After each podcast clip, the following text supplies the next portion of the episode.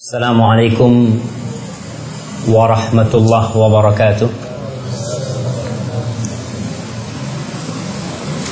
إن الحمد لله Sungguh segala puji hanya milik Allah Jalla Jalaluh Nahmaduhu wa nasta'inuhu wa nastaghfiruh Kita senantiasa memuji dan memuja Allah Memohon pertolongan hanya kepada Allah Karena la haula wa la quwata illa billah Kita adalah makhluk yang lemah Tanpa bantuan Allah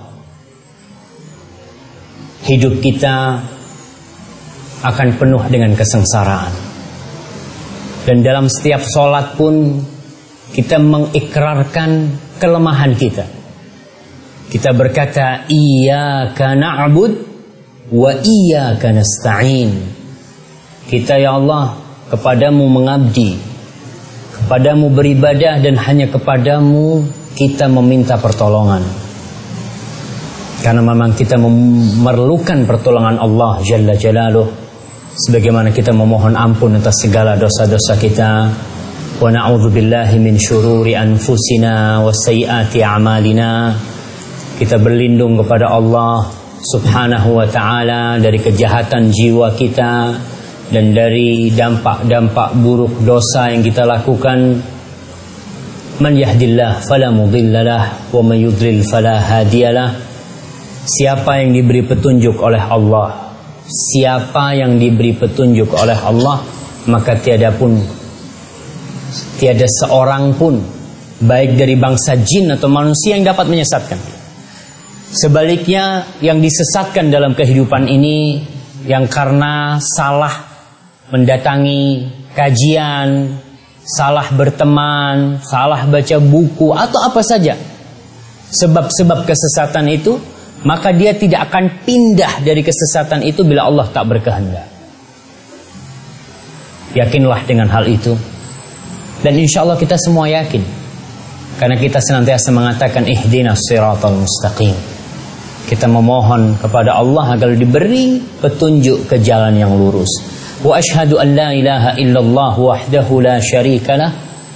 Wa ashhadu anna Muhammadan abduhu wa rasuluh sallallahu alaihi wa ala alihi wa sahbih dan saya bersaksi bahwa tiada ilah yang berhak untuk disembah kecuali Allah Jalla Jalaluh dia esa tiada sekutu bagi Allah lahul mulku wa lahul hamdu wa huwa ala kulli syai'in qadir baginya segala bentuk kepemilikan semuanya milik Allah baik yang ada di rumah kita atau yang kita pandang dengan mata kita semuanya milik Allah. Walahul ham dan bagi Allah segala pujian karena dia yang berhak untuk dipuji. Terkadang kita nih manusia minta dipuji, ingin di disanjung. Ingin dia apa Ustaz bahasanya Ustaz? Disanjung ya, disanjung tuh ingin disebut-sebut kebaikannya, dipuji. Apa yang kita lakukan sebenarnya? Kau tuh apa yang kau lakukan? Kok bisa sholat itu karena Allah. Saya bisa ceramah. Siapa yang bikin saya bisa ceramah? Allah Jalla Jalaluh. Kita bisa bersedekah. Allah yang bikin kita bersedekah. Hati kita tergerak. Wahuwa ala kulli syai'in qadir. Dan dia maha kuasa atas segala sesuatu. Dan saya juga bersaksi bahwasanya Muhammad sallallahu alaihi wasallam adalah hamba utusan Allah yang dia diutus untuk menyampaikan risalah Allah maka kita tidak boleh beribadah kecuali dengan caranya Nabi kita kita harus percaya dengan semua yang disampaikan oleh Rasulullah sallallahu alaihi kita harus taat dengan perintahnya kita harus jauhi larangannya kalau tak mampu melaksanakan Jangan diakal-akali. Diakal-akali itu apa Ustaz? Sama diakal-akali. Gimana ini yang wajib jadi nggak wajib? Gimana yang haram ini ya jadi ha halal sedikit lah nggak apa-apa. Jangan. Seorang yang beriman itu Allah mensifati mereka di akhir surat Al-Baqarah apa? Amanar rasulu bima unzila ilaihi min rabbih wal mu'minun kullun amana billahi wa malaikatihi wa kutubihi wa rusulih la nufarriqu baina ahadin min rusulih wa qalu sami'na wa ata'na ghufranaka rabbana wa ilaikal masir itu sifatnya orang beriman jadi model di militer di militer itu nggak tahu di Singapura kita kalau di Indonesia itu kalau jenderalnya panggil anak buah sini apa jawab dia? Siap komandan. Dia nggak tahu mau disuruh apa nggak tahu. Yang penting siap dulu. Dan seorang mukmin apa saja perintah Allah, sami'na wa ata'na. Perkara kita tak bisa melaksanakan, ghufranaka rabbana wa ilaikal masir ya Allah. Kita mohon ampun. Karena kalau kita sudah mengakal-ngakali syariat Allah, akhirnya ada banyak perintah Allah yang kita tinggalkan. Tapi kalau kita berusaha untuk melaksanakan sami'na wa ata'na, terkadang subhanallah di beberapa masjid di Indonesia nih, kan disunahkan imam itu kalau mau sholat untuk meluruskan soft. Dia mengatakan sawu sufufakum fa inna tasfiyatas sufuh min tamamis sholat. Masya Allah, saya senang ketika imamnya itu mengamalkan sunnah itu. Makmumnya secara serempak mengatakan sami'na wa ta'na, tapi softnya tetap jauh-jauh. Jadi saya berpikir, tuh sami'na wa ta'na itu bukan ucapan. Itu perbuatan sebenarnya. Jadi mereka itu softnya tetap nggak ada yang rapat. Tapi perkataannya sami'na wa ta'na. Allahu Akbar ya. Kita benar-benar sami'na wa ta'na. Kalau tak mampu, karena terkadang sebagian orang tak bisa melaksanakan perintah Allah. Karena ada kondisi. Dan kita lihat Imam Ahmad bin Hanbal. Ketika dia dipenjara oleh penguasa pada waktu itu. Tatkala azan dikumandangkan, beliau itu berdiri dari tempat istirahatnya. Di penjara, di jail ya. Dia berdiri menuju ke pintu pintu penjara. Dia dengar azan di luar. Dia mengatakan, Ya Allah, aku hanya bisa jawab engkau sampai sini, ya Allah. Dia jawab tuh panggilan Allah. Tapi dia cuma bisa sampai situ, nggak bisa dia keluar dari penjara. Tapi dia tetap bagaimana dia ingin sami'na wa ata'na. Gak ada ucapan, ya anak kan di penjara, anak nggak bisa tuh. Tapi tetap dia berusaha. Bagaimana dia menjawab panggilan Allah Subhanahu wa taala. Dan semoga kita benar-benar menjadi orang-orang yang beriman yang bisa sami'na wa ata'na Allahumma salli wa sallim ala habibikal mustafa wa nabiyikal mujtaba Muhammad ibn Abdullah wa ala alihi wa ashabihi wa man iktafa semoga salawat itu bersambung untuk Rasul sallallahu alaihi wasallam untuk keluarganya untuk istri dan anak-anaknya dan untuk sahabat-sahabat Rasul sallallahu alaihi wasallam amma ba'd Tajuk kita hari ini masalah hati. Hati itu bahasa Melayunya apa? Oke, kalau kita mau makan hati sapi, dijual. Apa bahasa Melayunya hati sapi? Hati juga. Hah? Hati lembu. Kalau kita mengatakan hati manusia dan hati lembu sama. Sama nggak? Di mana letak hati manusia? Di sini sebelah kiri ya, dada kita sebelah kiri hati. Apa yang ada di sini? Jantung.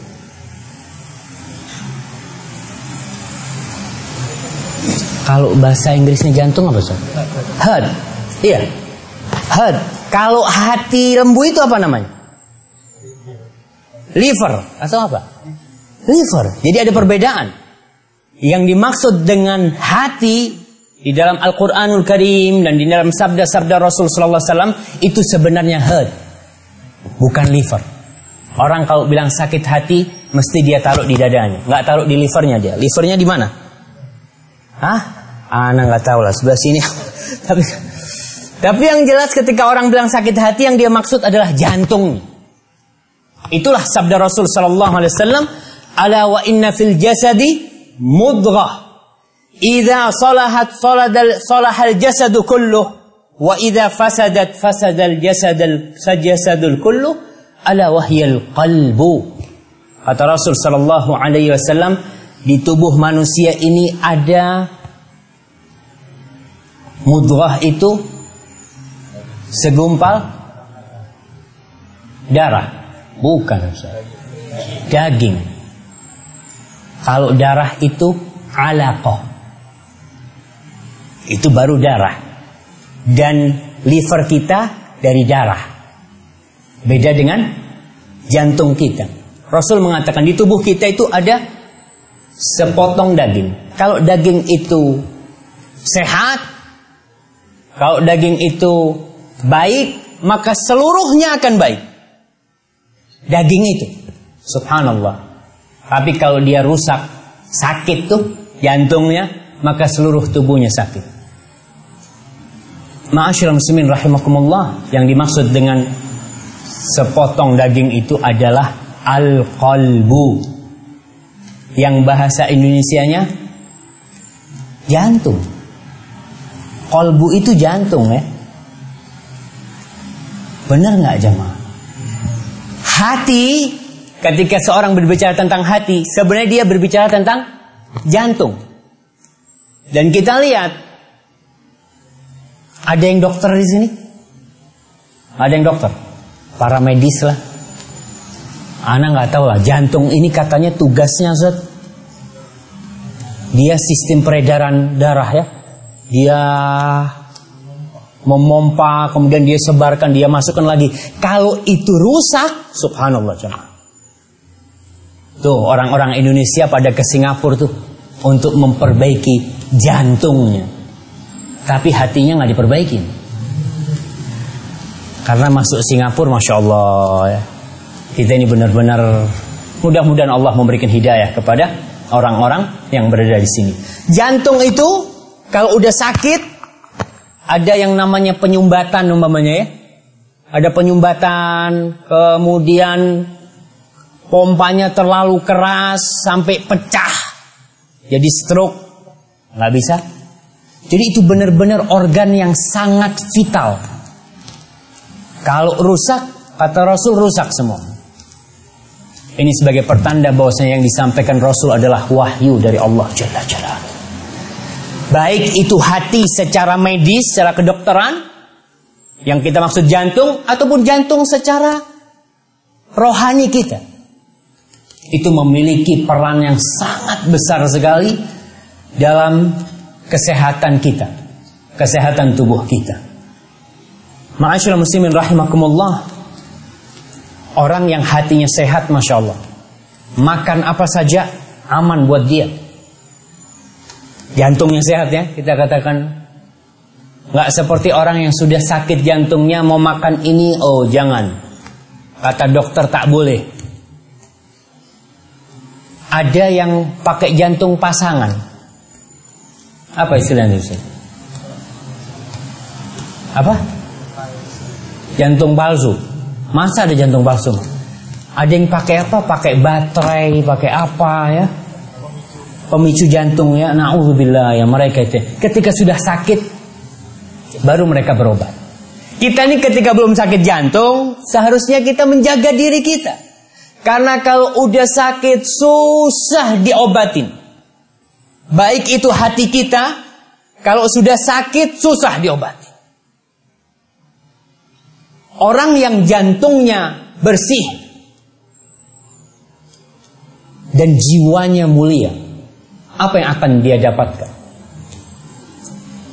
Allah Subhanahu wa taala berfirman, "Yauma la yanfa'u malun wala banun illa man atallaha biqalbin salim." Ada hari jamaah di mana pada hari itu tak bermanfaat tuh harta, tak ada guna itu anak-anak kita. Kecuali satu manusia yang datang kepada Allah dengan hati yang selamat. Kita bicara ini supaya kita tahu. Ketika kita menjaga hati, menjaga jiwa kita, kita tahu akan dapat apa. Manusia termotivasi untuk beramal karena ada iming-imingnya. Apa tuh iming-iming? Hah? Reward. Ya ada reward tuh. Kayak antum mah. Kalau kerja nggak digaji. Ana masya Allah Ustaz. Ana ini orangnya senang bekerja Ustaz. Kerja di perusahaan, Ana alhamdulillah kerja lima tahun nggak dibayar. Kayaknya nggak bakal dia kerja. Berhenti tuh. Satu bulan berhenti. Ketika nggak dibayar. Kita suka sama reward itu. Memang manusiawi. Allah pun memberikan reward kepada kita. Kau kalau bersihkan hatimu, kau jaga hatimu, jantungmu, jiwamu, akan ada rewardnya. Maka di dalam hadis-hadis Rasul, di dalam Al-Quranul Karim, Allah itu senantiasa mengingatkan dengan adanya hari akhir. Dengan adanya kiamat. Dengan adanya hari pembalasan. Yaumuddin. Yaumul hisab. Yaumul jaza. Adanya hari-hari itu, orang semangat. Ketika orang mau berbuat dosa, dia ingat. Oh bakal dibalas tuh, ada neraka di sana tuh. Dia akan mundur. Seperti sabda uh, firman Allah Subhanahu wa taala, "In kuntum tu'minuna billahi wal yaumil akhir." Kalau kalian beriman dengan Allah dan hari akhir. Beriman dengan Allah dan hari akhir. Di hadis Nabi Muhammad SAW beliau mengatakan, "Man kana yu'minu billahi wal yaumil akhir." Barang siapa beriman dengan Allah dan hari akhir, hari pembalasan. Itulah yang membuat kita tiap hari mau bekerja dari jam 5 sampai jam 6 sore karena di akhir bulan ada gaji. Maka kita harus menguatkan keimanan kita dengan hari akhir dan orang yang membersihkan hatinya dia akan dapat dua pahala. Dua riwat. Riwat di dunia dan di akhirat. Allah berfirman dalam surat Syams, "Qad aflaha man zakkaha wa qad khaba man dassaha." Qad aflaha sudah beruntunglah orang yang menyucikan jiwanya, membersihkan hatinya, waqad khaba man maka sengsara orang yang membiarkan hatinya itu kotor, hatinya itu rusak, maka dia akan sengsara dalam kehidupan ini. Kemudian Allah berfirman di dalam surat Taha ayat 75 76, "Wa man ya'tihi mu'minan qad amila salihat Barang siapa yang datang kepada Allah, datang pada hari akhir itu mukminan dalam keadaan beriman. Jadi yang pertama beriman. Qad amilas solihat, beramal soleh. Jadi nggak cukup kita cuma ngomong ana beriman Ustaz. Ana hati ana penuh dengan keimanan. Nanti kok nggak sholat? Ya males saja Subhanallah. Kau kalau memang benar keimananmu itu akan mendorongmu untuk beramal.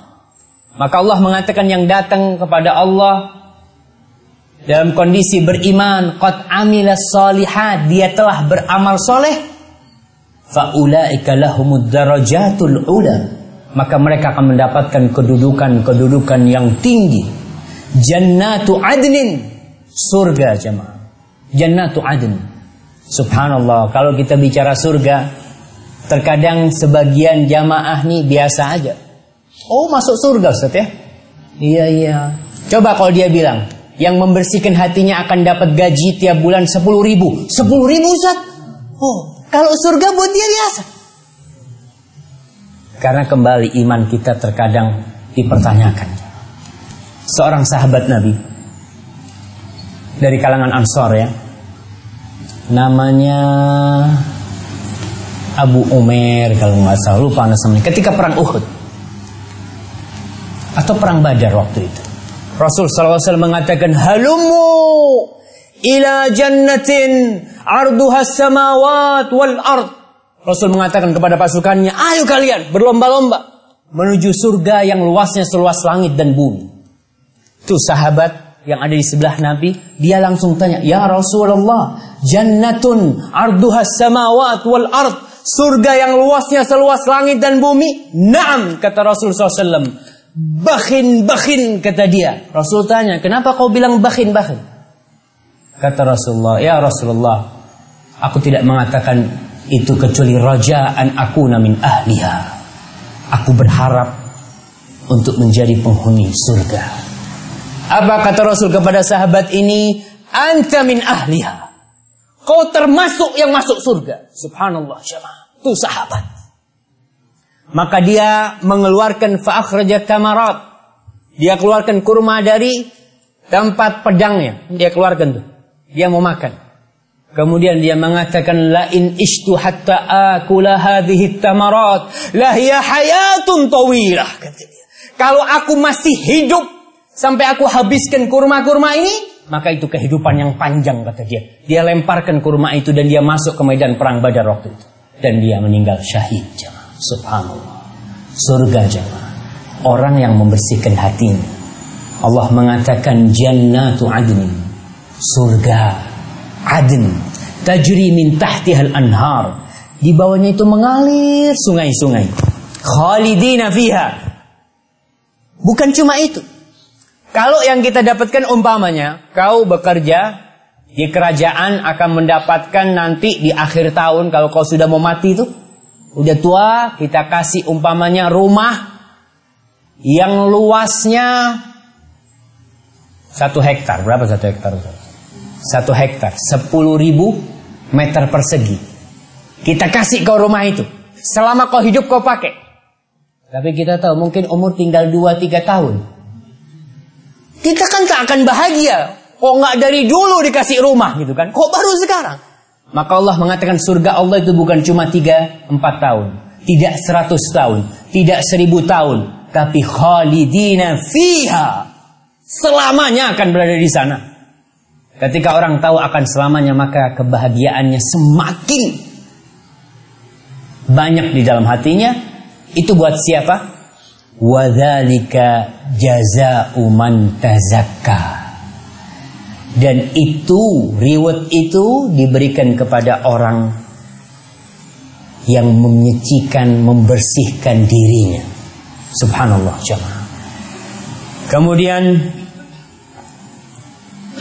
kalau kita jaga makanan kita, kita makan yang sehat, kita olahraga, kita lari tiap hari. Kira-kira yang sehat, kalau Ana yang melakukan itu, kira-kira yang sehat ama Ana apa Ustaz Saifuddin? Masa Ana yang olahraga, beliau yang sehat? Nggak mungkin lah.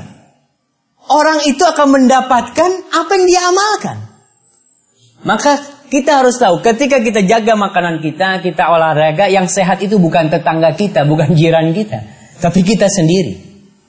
Maka Allah mengatakan waman tazakka fa innama yatazakka li nafsih. Barang siapa yang berusaha untuk membersihkan dirinya, menyucikan jiwanya, sebenarnya dia itu keuntungannya kembali kepada dirinya sendiri.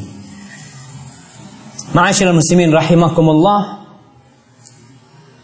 dalam hadis riwayatkan Imam Bukhari, Rasul Shallallahu Alaihi Wasallam mengatakan tentang orang yang masuk surga. Orang masuk surga kan nggak sekaligus. Kita nanti akan dibangkitkan dari kubur kita, digiring ke padang mahsyar. Di situ ada haud ya, mentari yang mendekat, kemudian amal kita akan ditimbang, nanti akan ada pembagian kitab-kitab rapot, lalu kita digiring menuju ke neraka jahanam yang di situ ada sirat untuk menuju ke surga Allah Subhanahu wa taala. Rasul alaihi salatu wassalam mengatakan awwalu zumratin yadkhuluna al-jannah. Kelompok pertama yang masuk surga. Bagaimana mereka itu? Rasul mengatakan la ikhtilafa bainahum wala tabaghud. Tidak ada kegaduhan di antara mereka. Tidak ada percekcokan di antara mereka. Nih perselisihan itu bermuasal dari mana? Dari hati. Wala tabaghut tidak ada saling benci di antara mereka, nggak ada. Qulubuhum ala qalbi rajulin wahid. Hati mereka seperti hatinya orang satu. Saling mencintai, saling menyayangi. Itulah orang yang pertama kali, kelompok pertama kali masuk surga.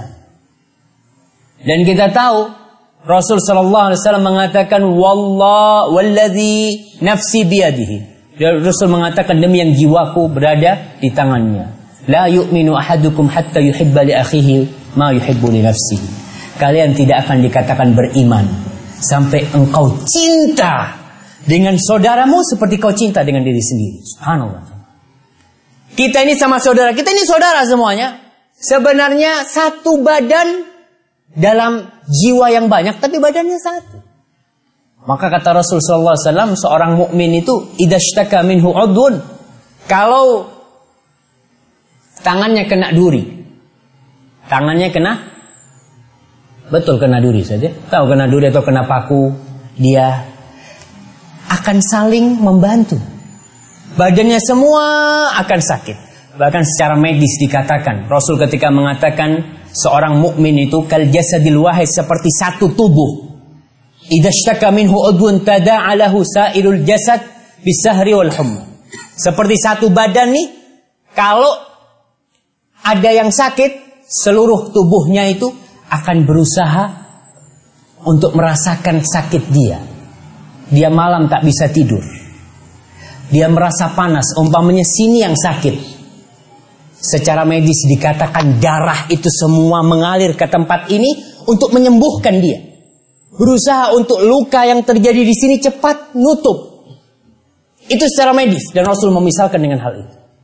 Nggak mungkin orang umpamanya um, kakinya sakit, nggak bisa tidur. Ente kenapa kok nggak bisa pejamkan mata? Kaki anak sakit. Ya, yang sakit kan cuma kakinya. Kenapa matanya tak bisa tidur? Karena kita satu badan.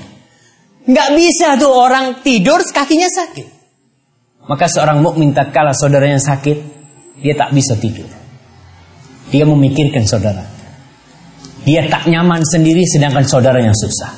Maka yang pertama masuk surga kelompok mereka adalah yang hati mereka itu seperti hati satu orang, tidak ada percekcokan, tidak ada pertikaian, tidak saling membenci di antara mereka.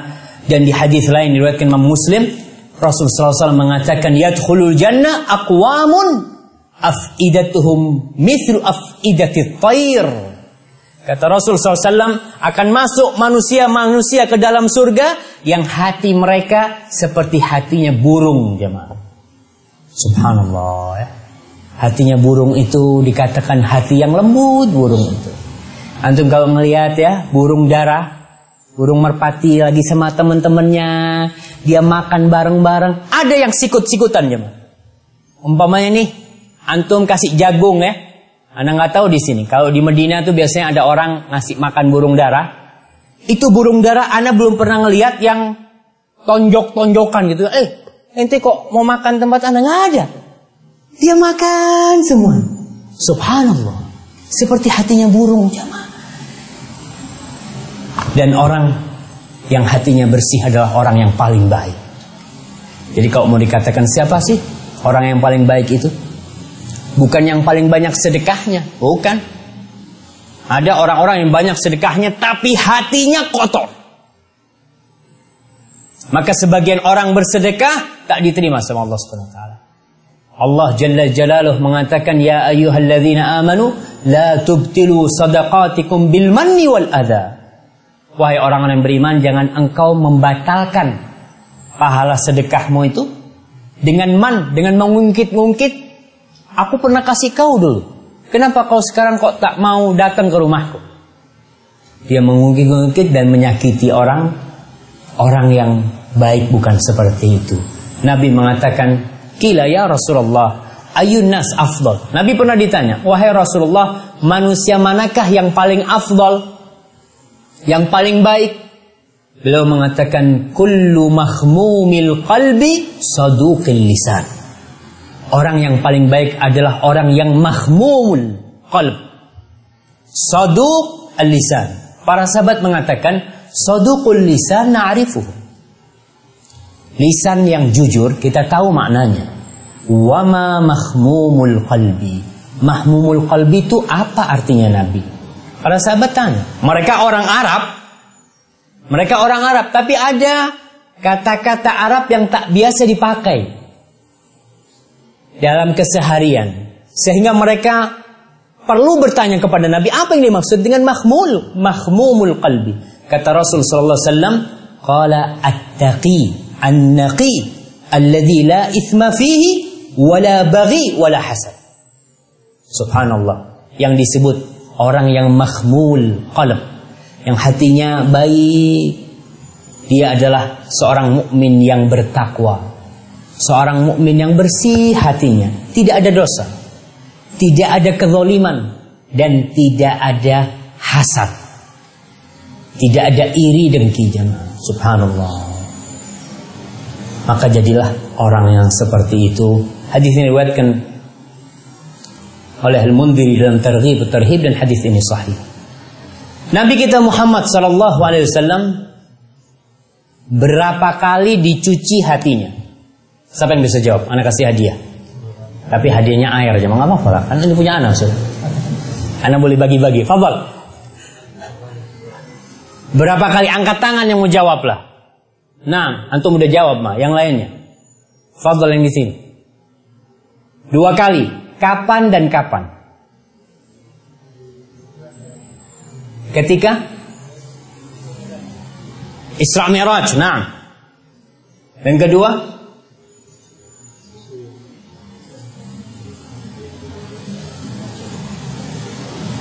Kapan jamaah? Ketika beliau di kampungnya Halimah. Nah, nggak apa-apa kita kasih hadiah, fadl kasih air Insya Allah. Iya, yang pertama ketika beliau masih dalam pengasuhan Halimah Sa'diyah di kampungnya sana. Datang tuh malaikat Jibril. Dibelah tuh dadanya. Dikeluarkan kotoran dari hati Rasul sallallahu alaihi wasallam. Dari jantungnya ya, kita bicara ya. Ada kotoran hitam dikeluarkan, dibedah, lalu dicuci, dibejana dari emas dengan air zam-zam.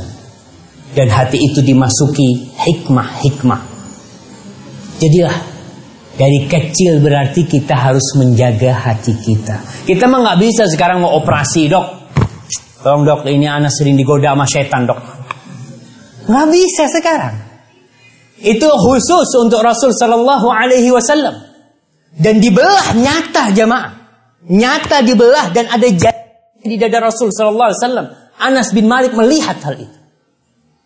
Dan ketika beliau hendak berjumpa dengan Sang Pencipta untuk naik Isra Mi'raj, hati beliau dicuci kembali. Umurnya berapa waktu itu? Sekitar berapa Ustaz? 50 tahunan lah ya. Sebelum beliau hijrah ketika menerima wahyu wajib sholat, beliau dibelah lagi dadanya, sama dibersihkan, kemudian baru berangkat ke Sidratul Muntaha. Itu Rasul Sallallahu Alaihi Wasallam.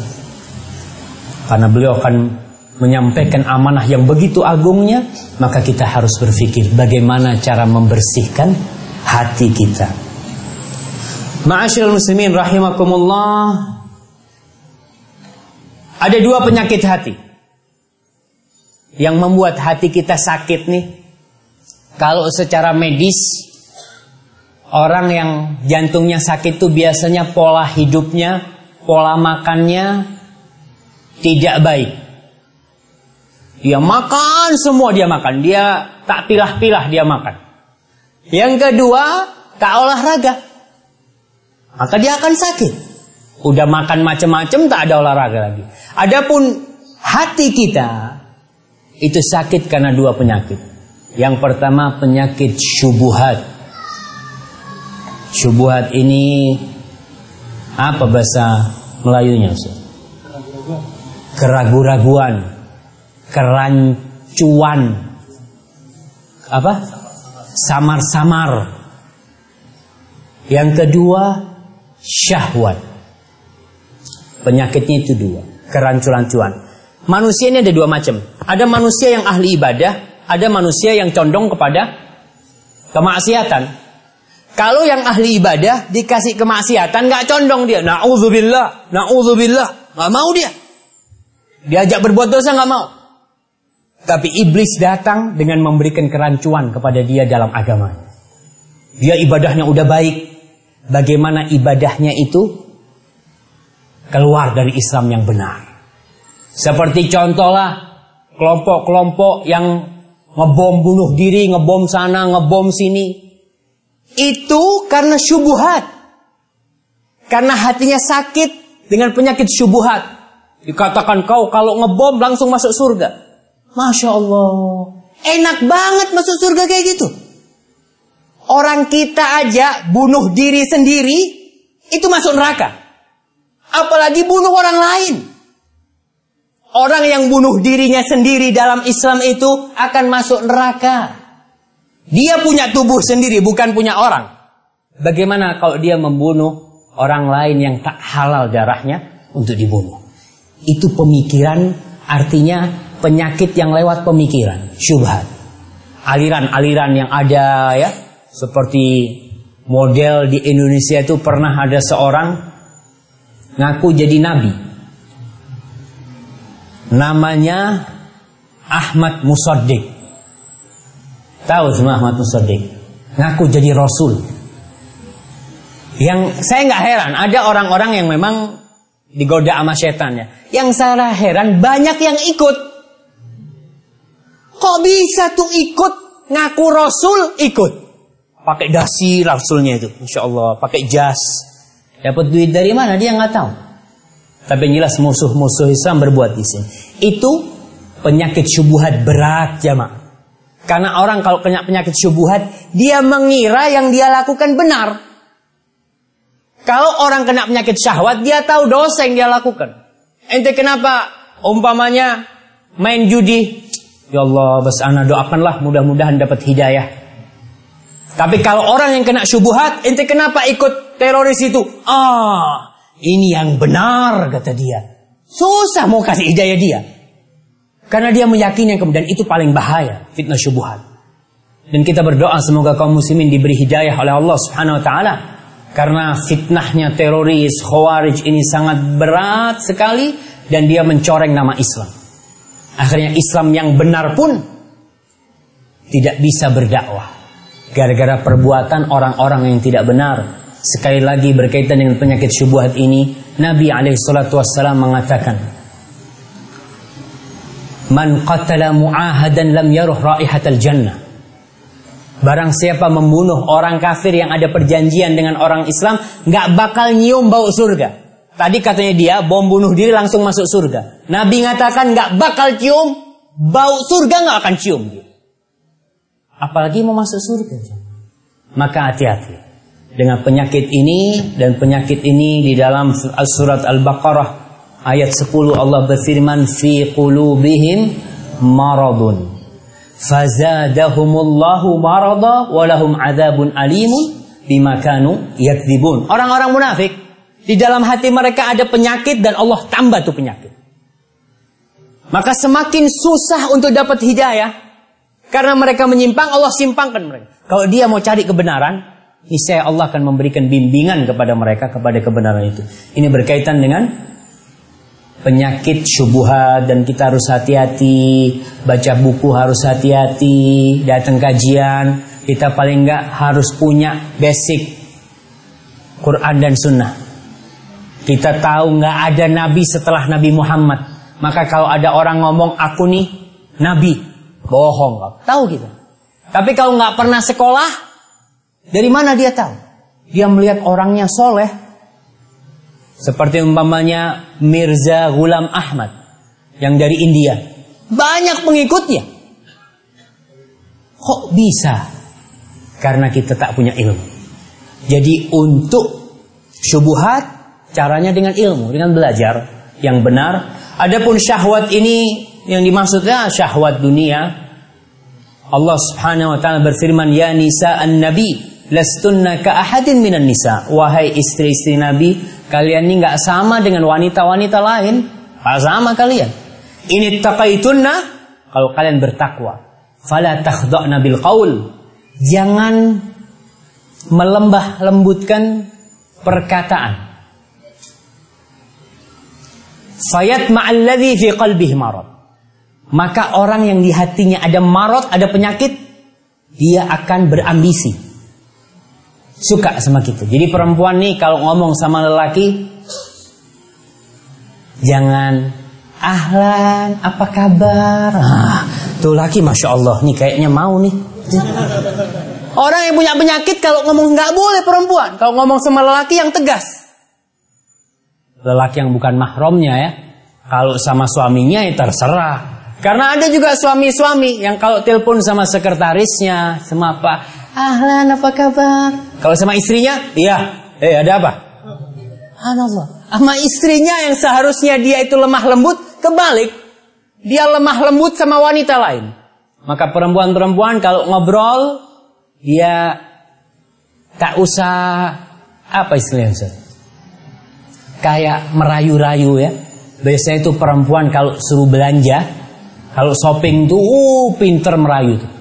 Ayolah kata dia jangan mahal-mahal gitu kan. Itu nggak boleh itu. Itu yang pedagangnya, yang jaga kedai itu langsung lihat. Iya nggak apa-apa sudah gitu kan. Allah mengatakan fala Istri Nabi nggak boleh. Istri Nabi apalagi dengan wanita-wanita yang lainnya. Maka yang tegas kalau bicara yang biasa, kalau telepon sama orang laki, sama tuan-tuan, ya bicaranya tidak usah dengan dengan meliuk-liuk ya. Mendayu-dayu, ah itulah nggak boleh. Fayat ma'alladhi fi qalbi yang di hatinya ada penyakit syahwat tuh langsung tergoda. Langsung tergoda dia. Masyaallah muslimin, hati ini bolak-balik. Kalau kita bicara hati ini subhanallah ya nggak bisa tetap lurus. Al-qalbu dinamakan dalam bahasa al-qalbu itu litaqallubihi. Kata Nabi karena dia memang bolak-balik. Umpamanya nih kita berangkat haji atau berangkat umroh, udah, ana nggak mau ngomong sama kawan-kawan. Gak boleh ada yang tahu. Kenapa? Supaya anak ikhlas, anak bisa jaga hati. Sampai di Mekah, selfie dia. Kirim ke mana? Taruh di DP-nya di depan Ka'bah. Semoga Allah mengampuni dosaku. Awalnya kepingin gak ada yang tahu dia. Tapi satu kampung tahu semuanya. Hatinya subhanallah. Dia pulang, kemudian pulang dari umroh gak ada yang tahu. Sampai di sini dia berusaha untuk menjaga hatinya. Anak kepingin gak ada orang tahu. Ketika teman-teman kawan-kawan ngomong masalah umroh, wah sekarang umroh itu panas banget. Oh iya panas banget, memang anak kemarin itu dia yang maunya muncul juga. Hati ini jamaah, Allahu Akbar ya. Benar-benar ya takallab kata Rasul sallallahu alaihi wasallam, "Mathalul qalbi kamathali rishatin bi ardi falatin yuqallibuha ar-rih dhahran li batni." Hati itu seperti bulu burung ya di padang pasir ada bulu kadang-kala sama bulu burung tuh. Kalau kena angin itu bolak-balik dia. Nggak netep jemaah. Oleh karena itu Rasul sallallahu alaihi wasallam senantiasa berdoa, "Ya muqallibal qulub, tsabbit qalbi ala dini." Nabi yang udah dicuci hatinya masih mengatakan ya muqallibal qulub Sabit qalbi ala dini. Apalagi kita jemaah. Ya Allah, wahai zat yang membolak-balikkan hati, tetapkan hatiku di atas agamamu. Ada nafsu. Para ulama ketika berbicara tentang nafsu, mereka menceritakan bahwasanya nafsu kita itu adalah komandan hati. Nafsu itu pemimpin hati kita. Kalau nafsunya sudah tunduk, hati akan aman. Karena yang memberikan masukan itu nafsu kepada hati kita. Dan Allah mensifati nafsu, innan nafsa la ammaratum bisu. Sesungguhnya nafsu itu selalu menyuruh kepada kejahatan. Itu tugas nafsu memang seperti itu. Maka kita harus belajar dari bayi baby ketika kecil tuh masya Allah dia itu nangis menjerat-jerit ketika didekatkan ke tete ibunya sunyi senyap tak ada suara. Karena dia mendapatkan apa yang dia inginkan. Jalan lari-lari nangis lagi digendong sama ibunya ditaruh. Subhanallah tak ada suara. Malam hari lagi tidur nih.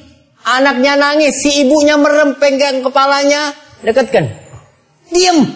Subhanallah. Nafsu seperti itu. Sampai kapan bayi ini, baby ini akan seperti itu? Sampai kita yang membuat dia tidak seperti itu. Kalau tetap seperti itu, sampai umur lima tahun dia tetap nyusu sama ibunya. Tapi kita harus berusaha untuk memisahkan dia. Sampai dikatakan an-nafs an-nafsu katifli. In tuhmilhu syabba ala hubbir raba wa in taftimhu yanfatim. Nafsu itu seperti bayi itu.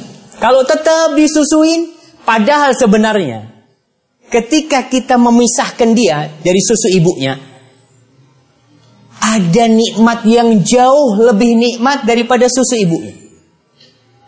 Dia ketika nyusu dia tidak pernah tahu dengan nikmatnya buah cherry umpamanya. Dia tak tahu dengan strawberry, dengan jus-jus yang nikmat. Dia taunya cuma susu. Maka sang ibu biasanya dia akan tega memisahkan anak. Karena apa? Karena dia tahu nak ada yang lebih baik nak ada yang lebih baik. Tapi si anak tetap nangis. Memerlukan waktu berapa lama untuk menundukkan si bayi?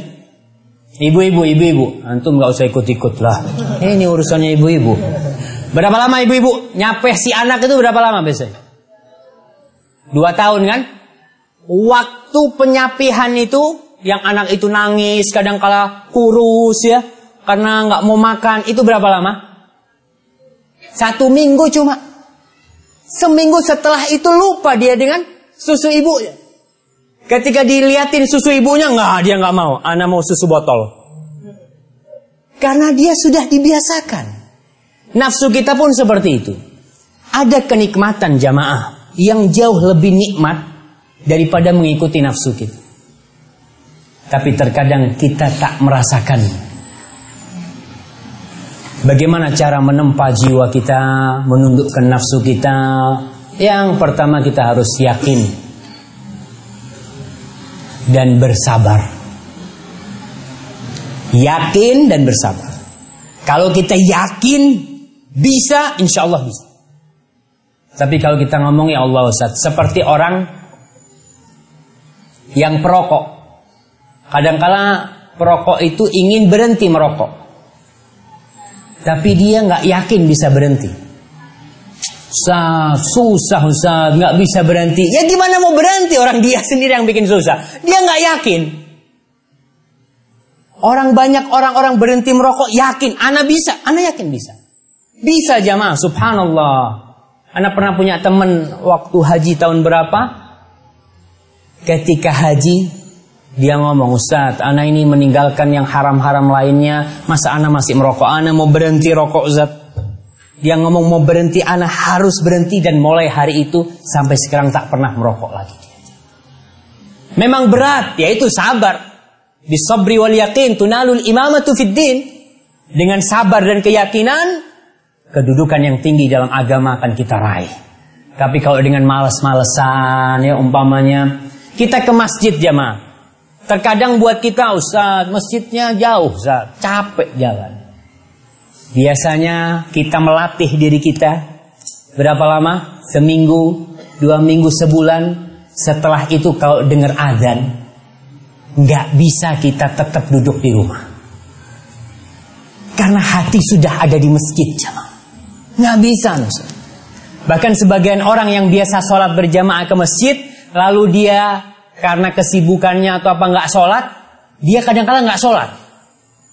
Karena dia berpikir sudah sholat di masjid. Karena dia tak biasa sholat di rumah. Hatinya sudah ada di masjid. Dia lupa biasanya.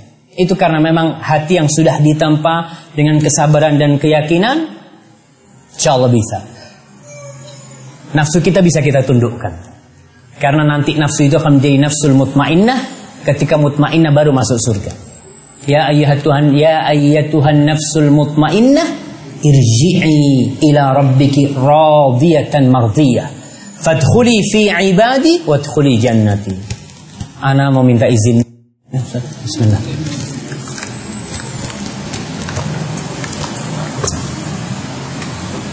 Itu Allah akan memasukkan seorang hamba ke surga ketika hatinya sudah jiwanya mutmainnah.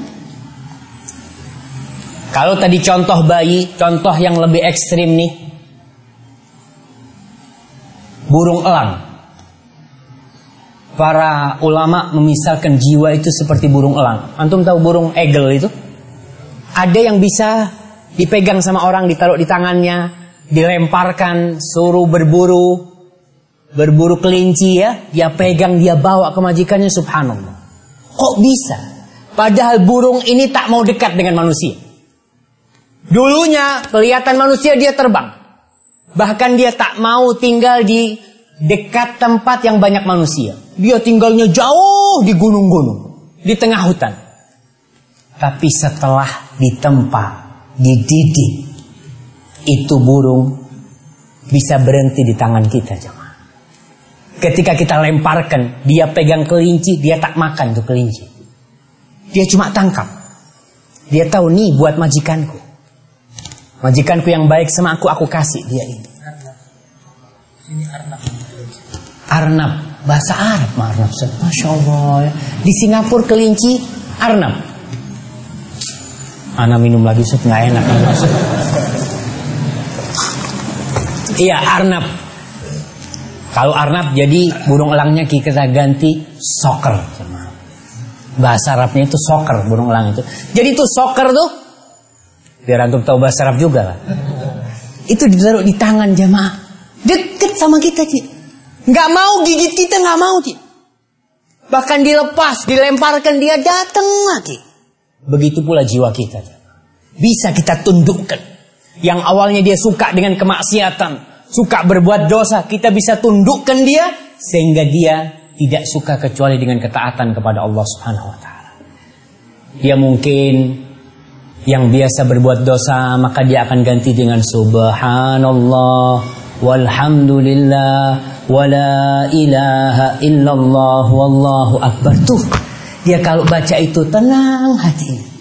Game-game judi-judi apa yang biasa dia mainkan dia lupa bahkan dia kalau ngelihat kemaksiatan dia mungkin mau muntah karena dia tak suka seperti burung soccer tadi itu Ma'asyiral muslimin rahimakumullah, ada yang penting dalam urusan rambu-rambu. Apa tuh rambu-rambu? Sama, Ustaz. Tahu sama rambu-rambu zaman? Nggak tahu, Ustaz. Ah, Ustaz sama-sama aja Ustaz. Sama-sama Indonesia. Sama-sama Indonesia. Apa, Ustaz? Rambu-rambu ini aturan, Ustaz. Ya? Aturan. Aturan lah. Kalau kita di Indonesia itu ada di jalan itu ada rambu-rambu. Rambu-rambu lalu lintas ya. Nggak boleh parking di sana, nggak boleh ini tuh rambu-rambu. Tanda-tanda lah. Ada tiga rambu-rambu penting aturan yang kita harus tahu dalam urusan me menyucikan hati kita dan menempa jiwa kita. Yang pertama, kita bisa bersihkan jiwa kita itu karena Allah bantu kita bukan karena kita sendiri. Jadi jangan merasa, oh anak, anak, anak, lah. Kita bisa menempa jiwa kita karena Allah subhanahu wa ta'ala. Allah berfirman, "Falaula fadlullahi alaikum wa rahmatuhu lakuntum minal khasirin." Andai kata bukan karena fadlullah, karunia Allah kepada kalian dan rahmatnya, pasti kalian menjadi orang-orang yang merugi. Allah mengatakan di surat itu surat An-Nisa ya. Di surat An-Nur juga ayat 10, ayat 14, ayat 20. Di Nur ayat 21 Allah mengatakan walaula fadlullah alaikum warahmatuh. Andai kata bukan karena fadlullah, fadilah dari Allah, keutamaan dari Allah kepada kalian, warahmatuhu dan rahmat Allah, mazaka minkum min ahadin abada. Tidak ada satupun di antara kita yang bisa membersihkan hatinya. Ada. Jadi kita bisa bersih hati karena Allah Subhanahu wa taala, walakin Allah yuzakki man yasha. Allah membersihkan siapa yang dia kehendaki. Yang kedua, doa adalah senjata yang utama kita sudah berbicara masalah doa.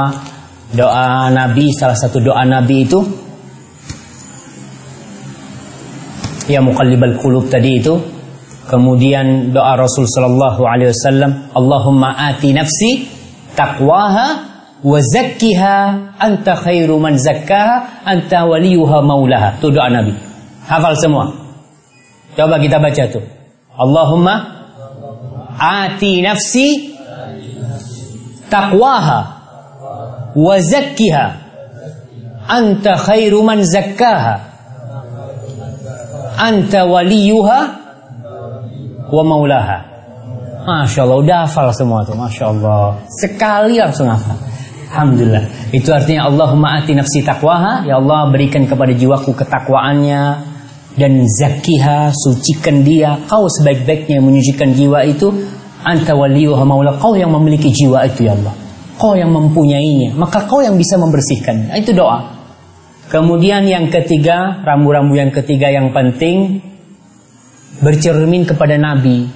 Nabilah uswah hasan. Karena ada orang yang menyucikan jiwanya dengan cara-cara tak islami tapi seakan-akan islami. Seperti orang yang tak mau makan daging. Enggak. Ada kelompok yang mereka tak mau makan daging. Anda mau makan rumput saja. Insya Allah supaya hatinya bersih. Nggak bisa. Rasul Shallallahu Alaihi Wasallam makan daging. Kalau ada ya, kalau ada Nabi. Kalau ada Nabi makan daging, nggak ada ya Nabi puasa.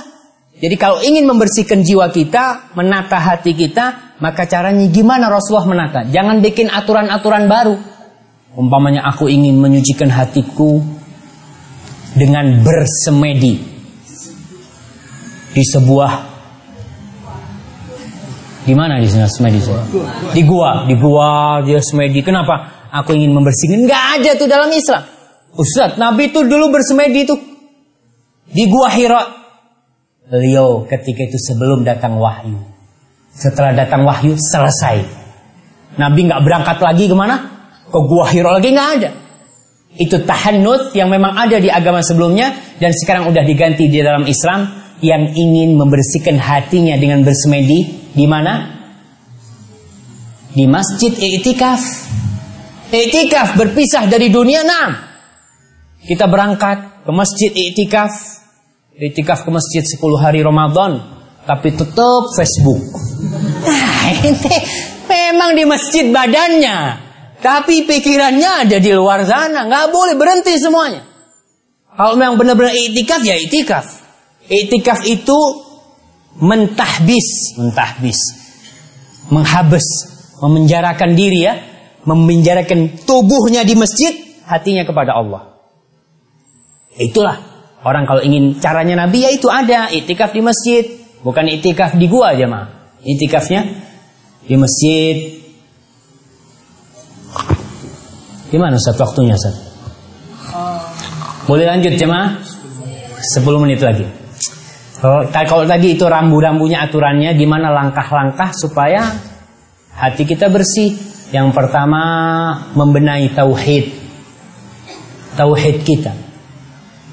Soalnya akar uh, hati kita ini sebagai tempat tumbuhnya akar. Hasilnya, buahnya itu ya amal perbuatan kita. Kalau hatinya bersih dengan tauhid, maka semua amalannya insyaallah akan bersih. Allah Subhanahu wa taala berfirman, "Alam tara kaifa daraballahu mathalan kalimatan thayyibatan ka syajaratin thayyibatin asluha thabitun wa far'uha fis sama tu'ti ukulaha kullahinin biidzni rabbiha." Apakah kalian tidak melihat bagaimana Allah memberikan perumpamaan kalimat yang baik. Kalimat yang baik ini adalah la ilaha illallah, kalimat tauhid. Seperti pohon yang baik pula, asluha thabit, akarnya itu masuk ke dalam bumi. Wafar uha sama, cabangnya, rantingnya itu sampai ke langit. Karena akarnya kuat, dia diterpa angin tetap kokoh jangan. Karena akalnya thabit. Wafar uha sama, tu'ti ukulaha kullahinin bi'in rabbiyah. Buahnya banyak sekali. Jadi orang yang bertauhid, yang benar tauhidnya, amalnya akan baik. Akhlaknya insya Allah akan mulia. Karena hatinya sudah baik, maka tauhid yang pertama yang perlu diperbaiki. Ibnu Qayyim mengatakan bihil qulub wal arwah wa tauhid. Dan pokok yang dengannya hati dan jiwa bersih itu yang pertama adalah tauhid kepada Allah Subhanahu wa taala. Yang kedua memperbanyak amalan-amalan sunnah dan kita sudah tahu kalau orang banyak amalan sunnah bakal dicintai sama Allah Subhanahu wa taala. Kemudian yang ketiga, keluarkan zakat. Bayar zakat. Karena Allah mengatakan khud min amwalihim sadaqatan tutahhiruhum wa tuzakkihim biha. Muhammad ambillah dari harta mereka itu sedekah, zakat tutahhiruhum.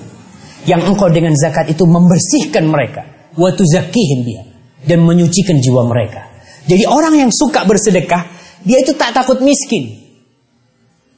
Jiwanya ini terkadang cinta sama harta dan kita cinta sama harta. Ada yang tak suka sama uang di sini. Yang tak suka sama uang itu cuma Arnab. Antum kalau kasih 10 dolar sama Arnab tuh, dilihat sama dia. Nanti nggak salah ngasih duit sama dia. Kita nggak suka. Tapi kalau manusia, subhanallah. Cinta dia dengan harta, tapi kita dipaksa untuk mengeluarkan. Dan itu bisa membersihkan jiwa kita. Jangan kita diperbudak dengan uang itu, jangan. Kita ini terkadang untuk sedekah jamaah sulit.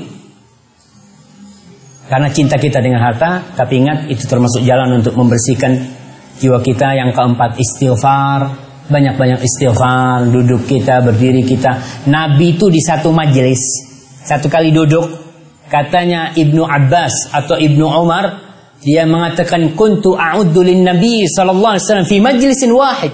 Wa huwa yaqul Allahumma ighfirli wa tub alayya innaka antat tawwabul ghafur. Ya Allah. Ibnu Abbas mengatakan aku menghitung Nabi di satu majelis lagi kumpul lagi diam. Beliau itu membaca doa Rabbi gfirli Watub alayya. Innaka antat tawwabul ghafur. Ya Allah ampuni aku.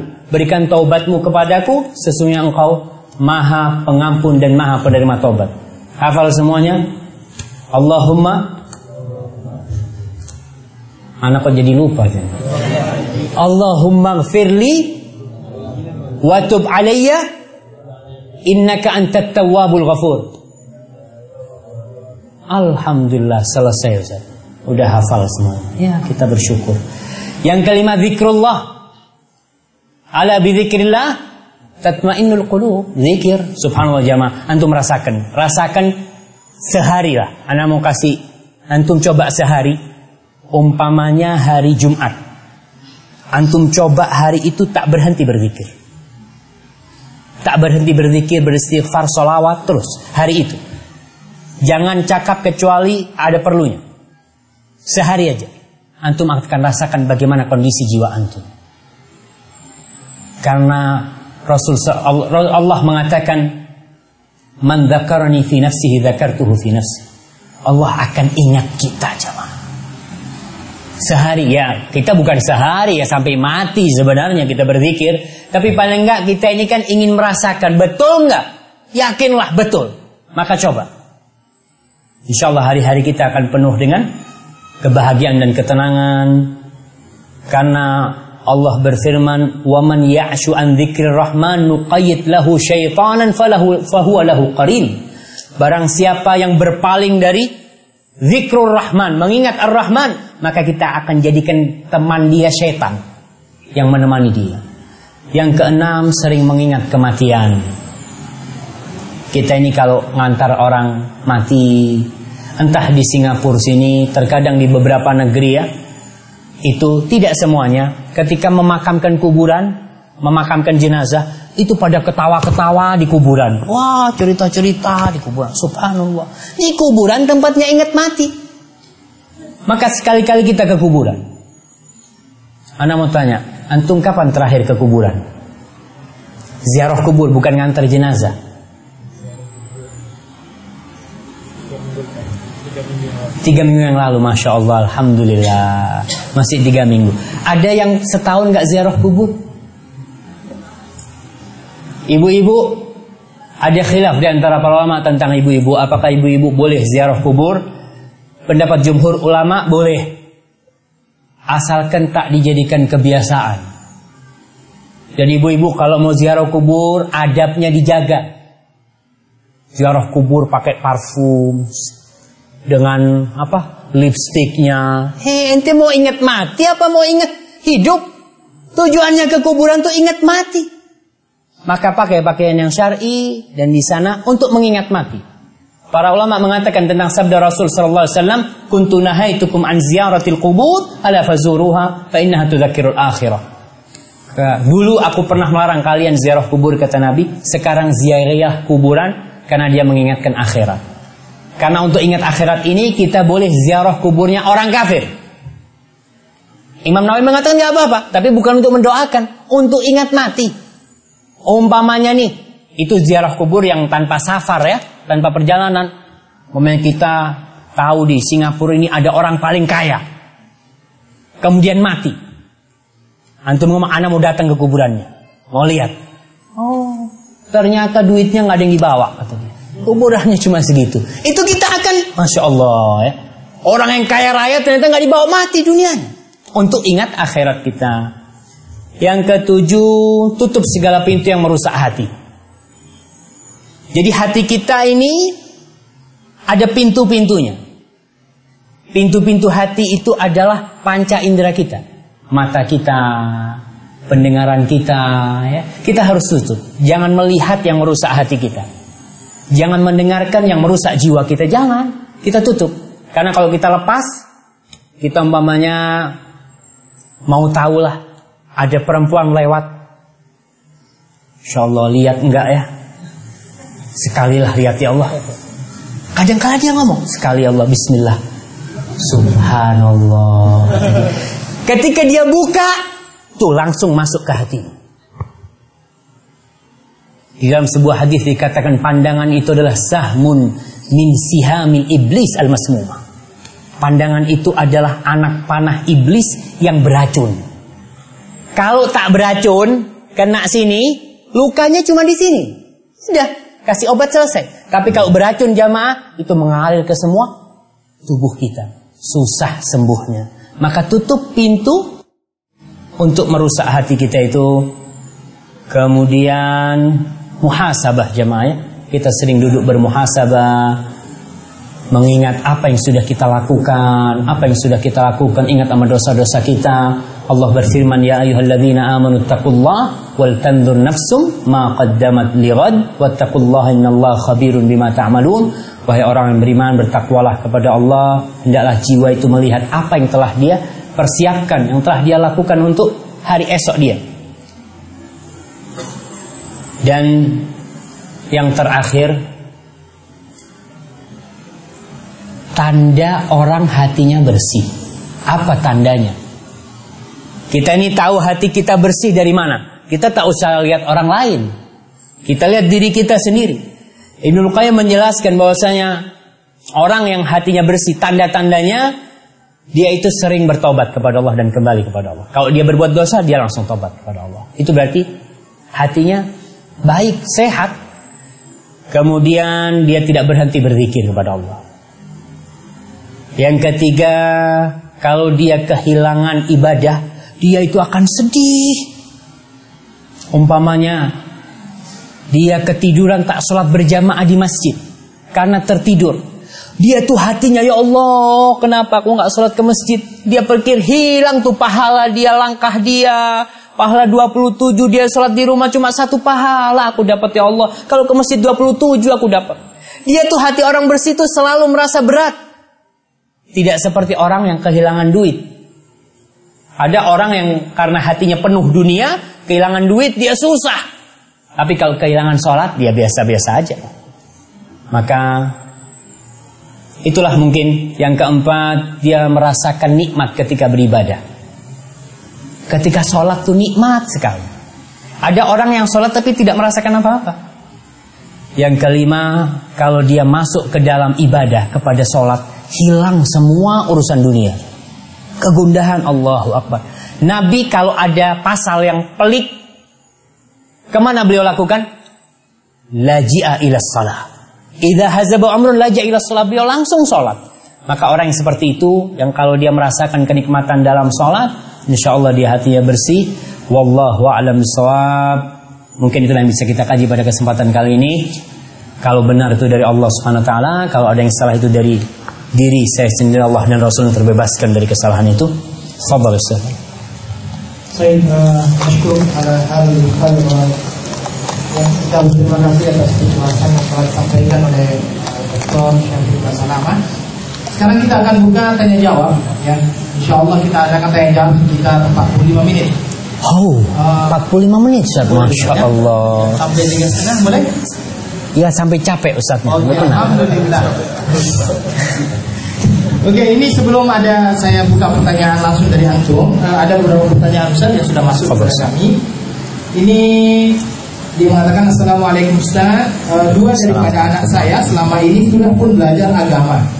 Tetapi pemahaman mereka beranggapan bahwa selagi belum tegaknya daulah Islamiyah, tidak ada kewajiban bagi kita untuk melakukan sholat Jumat Akbar. menunaikan haji dan boleh menjamak sholat. Macam mana menghadapi mereka karena sebagai orang tua saya ingin mereka memperbetulkan pemahamannya yang salah dan kemba- kembali ke pangkal jalan. Jazakumullah afiyun. Masya Allah, ini, ini penyakit syubuhat ya. Penyakit kerancuan dalam agama. Ingat, semua sekte, kelompok sesat itu punya dalil. Semuanya punya dalil. Mereka akan menggunakan qala Allah, dia akan menggunakan qala Rasul. Tapi ingat pada hakikatnya qala Allah, qala Rasul itu membantah mereka. Tinggal anak kita ini itulah susahnya jamaah ya. Anak kita kita harus pilihkan guru yang benar. Saya masih ingat ketika di sekolah dulu punya ustadz tak sholat. Awalnya sholat, tahu-tahu tak sholat karena dia sekolah di Stein di sekolah agama Indonesia negeri dia tak sholat. Anak tanya Ustaz, kok gak sholat Ustaz? Dia mengatakan, Allah Ta'ala. Allah berfirman, Aqimis sholata li zikri. Dirikan sholat untuk mengingatku. Kalau anak sudah ingat, ada apa sholat? Subhanallah jemaah. Ada dalilnya dari Al-Quran. Kalau orang mau ambil sepotong-sepotong dari Al-Quran, rusak agama ini. Dia mengatakan, ente kenapa nggak sholat? Subhanallah. Ada dulu kelompok zanadiqah. Zindik itu orang-orang yang Islam tapi dia munafik sebenarnya. Dia mengatakan,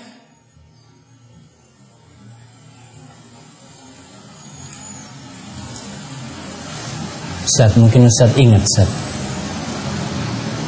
Hayya bina ilal khummari yasqina. Dia mengatakan iya. Da'il masajid lil ubbadi ya'muruha. Wa hayya bina ilal khummari yasqina. Ma qala rabbuna wailun lil khummari wa innama qala wailun lil musallina. Kata dia ngomong, ayo kita nih ke tempat minum-minum, ke bar, ke kafe. Biarkan tuh masjid-masjid buat orang-orang yang mau ibadat. Kata dia tuh, di Quran tuh nggak ada celaka buat orang-orang yang minum hammer. Yang ada wailun lil musallina. Yang ada di Al-Quran, wailun lil musallin. Celaka buat orang-orang yang sholat. Kalau gitu ada apa nah sholat? Subhanallah. Karena ayatnya diputus sama dia. Wailun lil musallin. Alladzina hum an salatihim sahun. Alladzina hum yuraun. Itu dibuang sama dia. Dia cuma ambil wailun lil musallin. Begitu pula orang-orang yang tadi mengatakan bahwasanya aku tak akan sholat Jumat sebelum tegak khilafah Islamiyah subhanallah. Jamaah, ketika belum ada khilafah Islamiyah, ketika Rasul Shallallahu Alaihi Wasallam masih disiksa di kota Makkah Al Mukarramah, sebagian sahabat sudah hijrah ke kota Madinah dan kota Madinah bukan negeri Islam. Ketika itu kota Madinah belum ada Nabi, Nabi masih di Mekah pada waktu itu. Nabi mengirim sahabat Mus'ab bin Umair dan Abdullah bin Umi Maktum di situ Mus'ab bin Umar telah melaksanakan sholat Jumat. Mus'ab belum ada khilafah Islam, negerinya kafir semuanya. Maka kalau ambil dalil itu jangan sepotong-sepotong. Tapi untuk anak yang seperti ini, paling enggak dibawa ke sinilah ketemu Ustaz Saifuddin. Iyalah kalau itu perlu karena kesian mereka budak-budak kecil kan seperti gelas kosong. Dia tergantung apa yang diisi. Kalau diisi jus apel ya jadi apel. Dikasih wine ya jadi wine dia. Maka bagaimana kita hati-hati itu amanat dari Allah anak-anak kita ya. Jangan sekedar melihat sekarang ini banyak sekolahan-sekolahan yang luarnya bagus. Jadi mereka oh bagus banget tapi nggak tahu di dalam pemikirannya kadang-kala tidak benar ya. Maka hati-hati orang tua. Wallahu a'lam bishawab. Seperti itu. Ustaz. Baik, eh, ada yang mau memberikan pertanyaan langsung kepada Ustaz? Assalamualaikum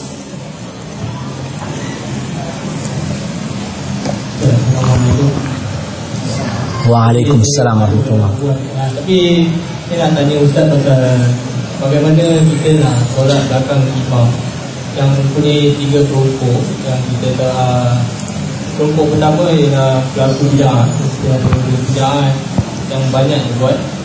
Dia nak jadi sebagai imam. Dan nombor dua kelompok nombor dua is uh, dia kelompok Asyairah. Yang mengaku Allah di mana bukan Allah di langit. Dan kelompok ketiga adalah tarikat sufi. Ha, bagaimana kita bolehkah kita solat di belakang uh, imam seperti ini? Di Nah.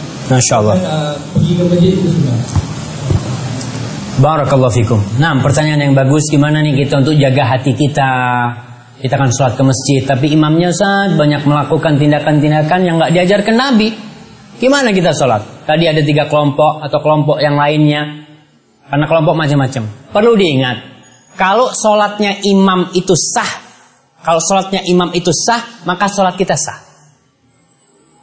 Walaupun dia pelaku bid'ah, tapi dia bid'ahnya belum sampai keluar dari Islam karena ada bid'ah-bid'ah yang sudah mengeluarkan orang itu dari Islam.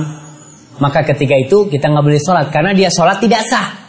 Tapi kalau sholatnya imam itu sah buat diri dia, sholat kita pun sah. Jadi tak masalah. Walaupun kita berusaha untuk cari masjid yang sunnah karena hati itu lebih tenang ya. Tapi kalau imamnya pelaku umpamanya dukun, ada dukun di sini.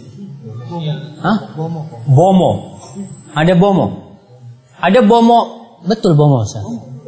Ya, bomo itu kahin yang dia itu pura-pura Islam.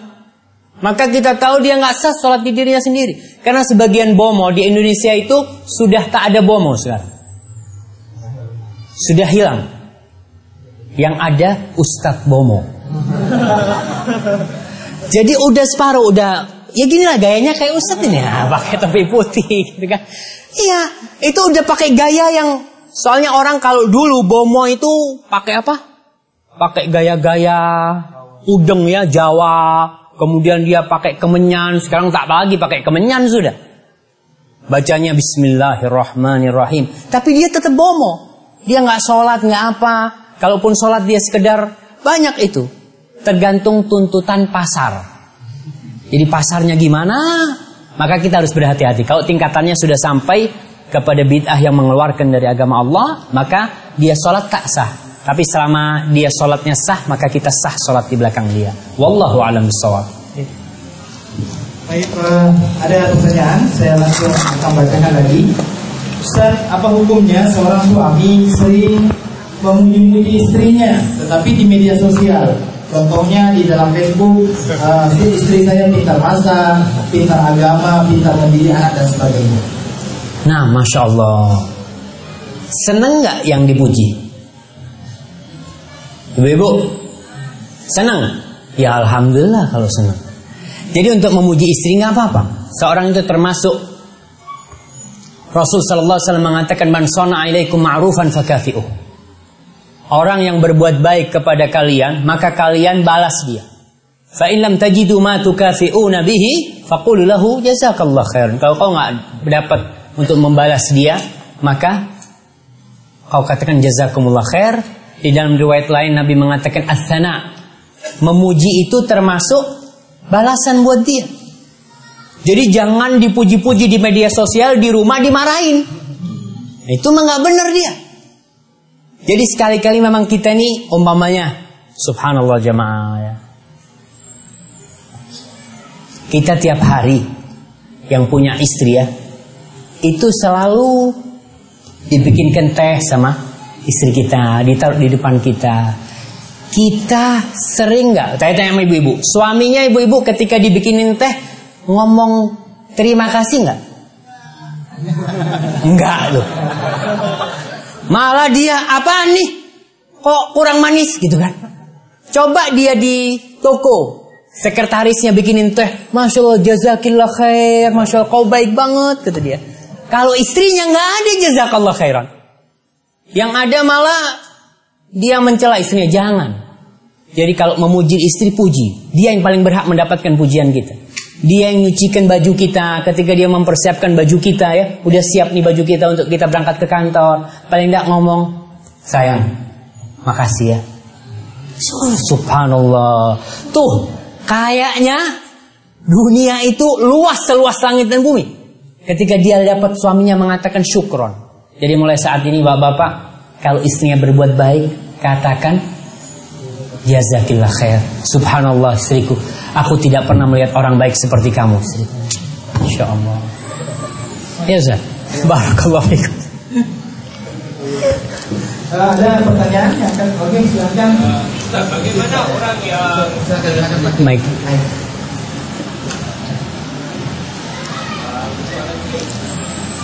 uh, soalan saya adalah orang yang solat, puasa, malahan dah pergi haji tapi dia buat maksiat dan dia suka mencela adakah hati dia baik? Nah, orang ini sholat, haji, tapi dia berbuat maksiat. Macam apa? Oke, jadi akhlaknya buruk lah. Dia karakternya nggak baik. Itu subhanallah jemaah. Kita tadi udah bicara bahwasanya kalau mau menikahkan putri kita, orang itu harus ada dua sifat. Agamanya baik, tadi sholatnya, ibadahnya haji ya, kemudian akhlaknya mulia.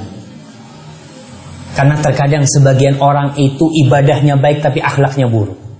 Ingat Rasul sallallahu alaihi wasallam mengatakan ma fil mizan husnul khuluq. Yang paling berat tuh di timbangan, yang lagi berat di timbangan di hari kiamat itu adalah akhlak yang mulia. Jadi orang yang mengumpat, yang menjelek-jelekan orang itu bisa jadi ibadahnya habis semua ketika ditimbang dengan akhlak buruk dia.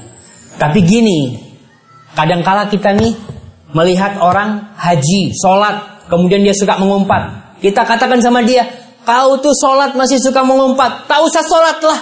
Ah, tak benar itu. Maka kita jangan katakan tak usah sholat. Cobalah kau belajar dari sholatmu, dari ibadahmu. Kita perlu untuk saling memberikan nasihat. Tapi ingat ya, akhlak yang mulia itu berat di timbangan dan salah satu tanda orang hatinya baik, lisannya baik. Jadi omongannya, cakapnya itu baik. Kalau orang cokop cakapnya itu buruk, maka berarti hatinya buruk.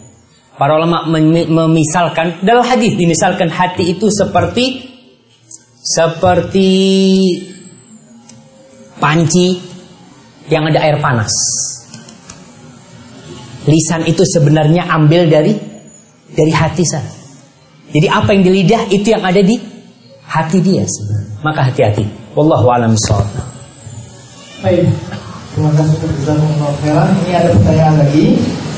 Eh, Bismillah Ustaz, Eh, apakah pernikahan yang sebelum menikah tapi melakukan hubungan terlarang terdahulu? Apakah pernikahannya diterima oleh Allah Azza wa Jalla atau tidak? Syukran wa barakallahu fiik. Barakallahu fikum. Na'am. Ya, subhanallah. Pergaulan bebas sekarang ini membuat banyak anak-anak haram. Hubungan-hubungan yang haram sehingga generasi ke depan banyak generasi-generasi yang tak berakhlak dan tak berbakti sama orang tua. Karena memang orang tuanya melahirkan dia dalam kondisi haram. Anaknya ya halal anaknya tentunya, tapi perbuatannya orang tua ada perbuatan. Gimana sekarang? Apakah seorang yang pernah berhubungan, pernah berzina, kemudian dia menikah, apakah diridhai oleh Allah Subhanahu wa taala? Syaratnya satu, bertobat. Jadi terkadang sebagian orang itu dinikahkan sama orang tuanya karena pernah berzina, tapi dia tak pernah bertobat. Dia mengatakan, ya sekarang kan udah halal. Alhamdulillah sudah. Tapi dia ingat tuh dosa besar yang tidak bakal dihapuskan kecuali dengan tobat. Illa insya Allah. Kecuali Allah berkehendak. Maka ketika orang itu pernah berhubungan di luar nikah dan itu haram, hendaklah dia bertobat dan jangan pernah berhenti bertobat. Terus memohon maaf kepada Allah, memohon ampun kepada Allah. Jangan sekedar karena dinikahkan seakan-akan sudah halal. Dia dulu pernah berbuat dosa. Lalu yang kedua, tidak harmonisnya rumah tangga. Terkadang rumah tangga suka gaduh. Ingat, mungkin dulu dia sebelum nikah, apa istilahnya? Matai, Ustaz? Iya, matai. Antum ketawa-ketawa, mah. Anak kalau salah dibetulin ngomongnya. Iya, matai itu dia nggak pernah tobat dengan matai dia nggak pernah tobat dia. Dia merasa biasa-biasa aja.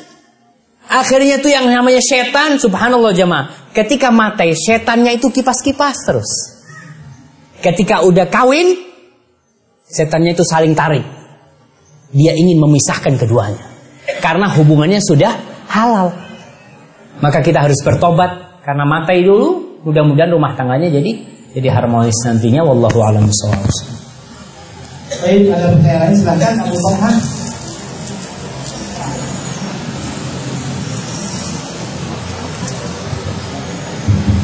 Assalamualaikum. Uh, ada dua ya.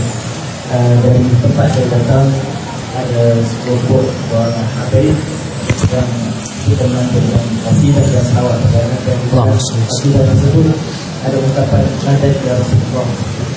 Dan apakah ini termasuk dalam syirik ataupun diperbolehkan dengan dalil-dalil tertentu? Dan yang kedua yang anak kira yang panas di sini ICT ini dikatakan mengajarkan kita tauhid Muhammad Quran. Jadi apakah benar mereka ini ahli sunnah ataupun mereka asalnya ahli sunnah namun terbiasa? Nah, barakallahu fikum. Ya, berkaitan dengan pertanyaan yang pertama, ada orang-orang yang berselawat kepada Rasul SAW. Kemudian dia mengatakan, Madat ya Rasulullah, Madat ya Rasulullah. Artinya madat ini, bantulah kami wahai Rasulullah. Subhanallah jamaah. Nabi tak pernah mengajarkan hal itu.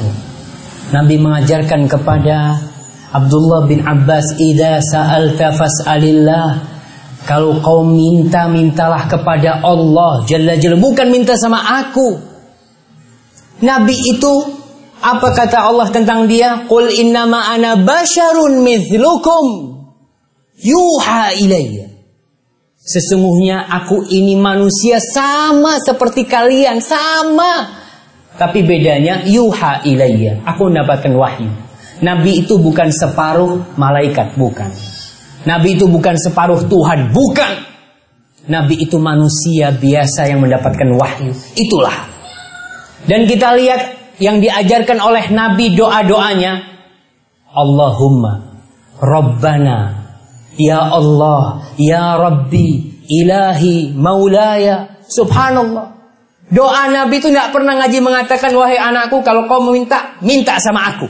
Subhanallah nggak pernah Nabi mengajarkan hal itu. Kita oke okay, bertawasul dengan Rasul SAW dengan baca salawat buat beliau. Karena memang doa yang tanpa salawat nggak akan diangkat. Kita bersolawat, tapi tak perlu kita nggak boleh minta sama Nabi.